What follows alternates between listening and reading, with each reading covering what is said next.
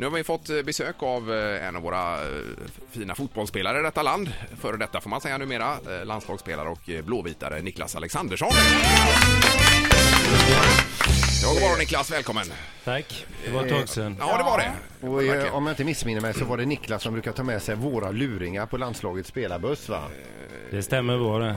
De var ett stående inslag där på... Och spelade luringar för eh, Zlatan och Wellberg och alla de här eh, Henke Larsson då när det begav sig. Och... De behövde bli lite mer göteborgska. Ja, det är bra. Det är bra Men, men hur många luringar han är med på en resa från hotellet till, eh, till träningsanläggningen?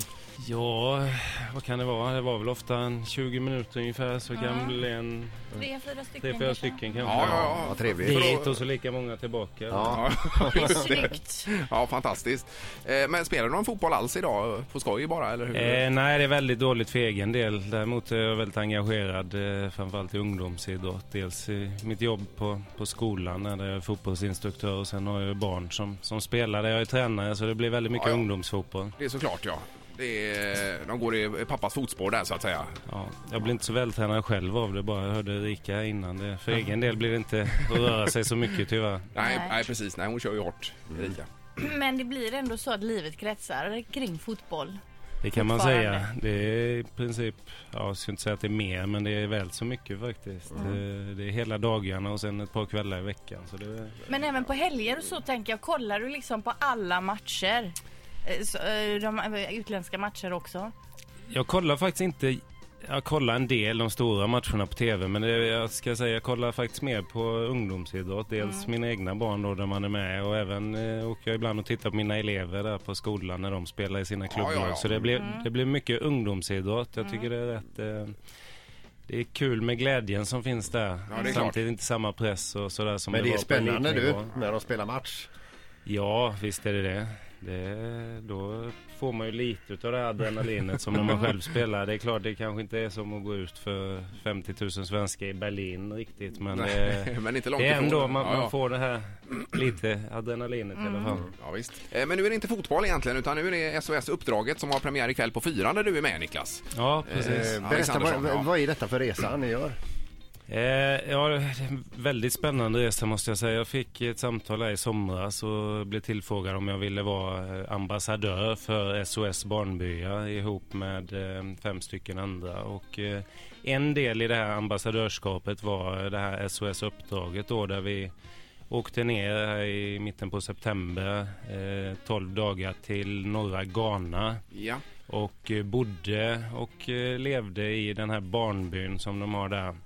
Eh, Vi jobbade lite med ett aktivitetshus, gjorde i ordning och sen var vi Ja, gjorde det de gör på sin fritid där, var med mammorna och med barnen och som en del då. Ja, och en annan del då där vi åker ut och, och ja, tittar på en del av de svårigheterna som trots allt finns i, i landet. Men hur kommer det sig att du blir tillfrågad? Har du jobbat med de här frågorna innan?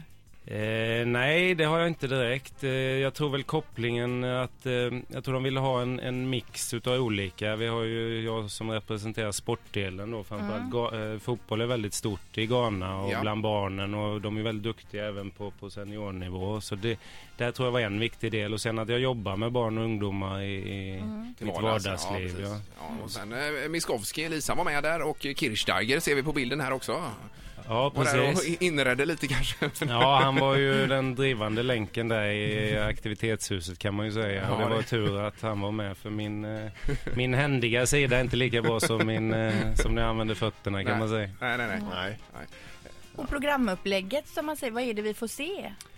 Ja, det har ju gjorts tidigare har det gjorts massa välgörenhetsgalor och liknande. Här är det ju sex eh, program som kommer gå mellan eh, 9 och 10 på måndagar och eh, jag tror det kommer bli en lite djupare inblick i alltså att man kommer få följa, lära känna en del utav barnen lite grann, mammorna samtidigt med oss där. Så det, jag tror det är inte bara det här eländiga att eh, man ser, alla i Sverige tror jag vet att det finns barn som svälter i Ja, Afrika. Ja, Men visst.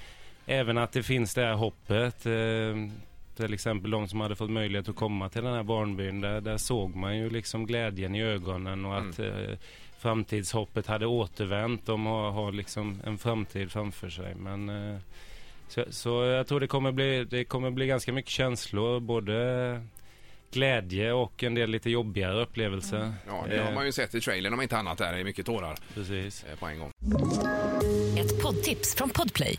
I podden Något Kaiko garanterar östgötarna Brutti och jag, Davva, dig en stor dos skratt. Där följer jag pladask för köttätandet igen. Man är lite som en jävla vampyr. Man har fått lite blodsmak och då måste man ha mer. Udda spaningar, fängslande anekdoter och en och annan arg rant. Jag måste ha mitt kaffe på morgonen för annars är jag ingen trevlig människa. Då är du ingen trevlig människa, punkt. Något Kaiko, hör du på Podplay. Därför är gardinerna.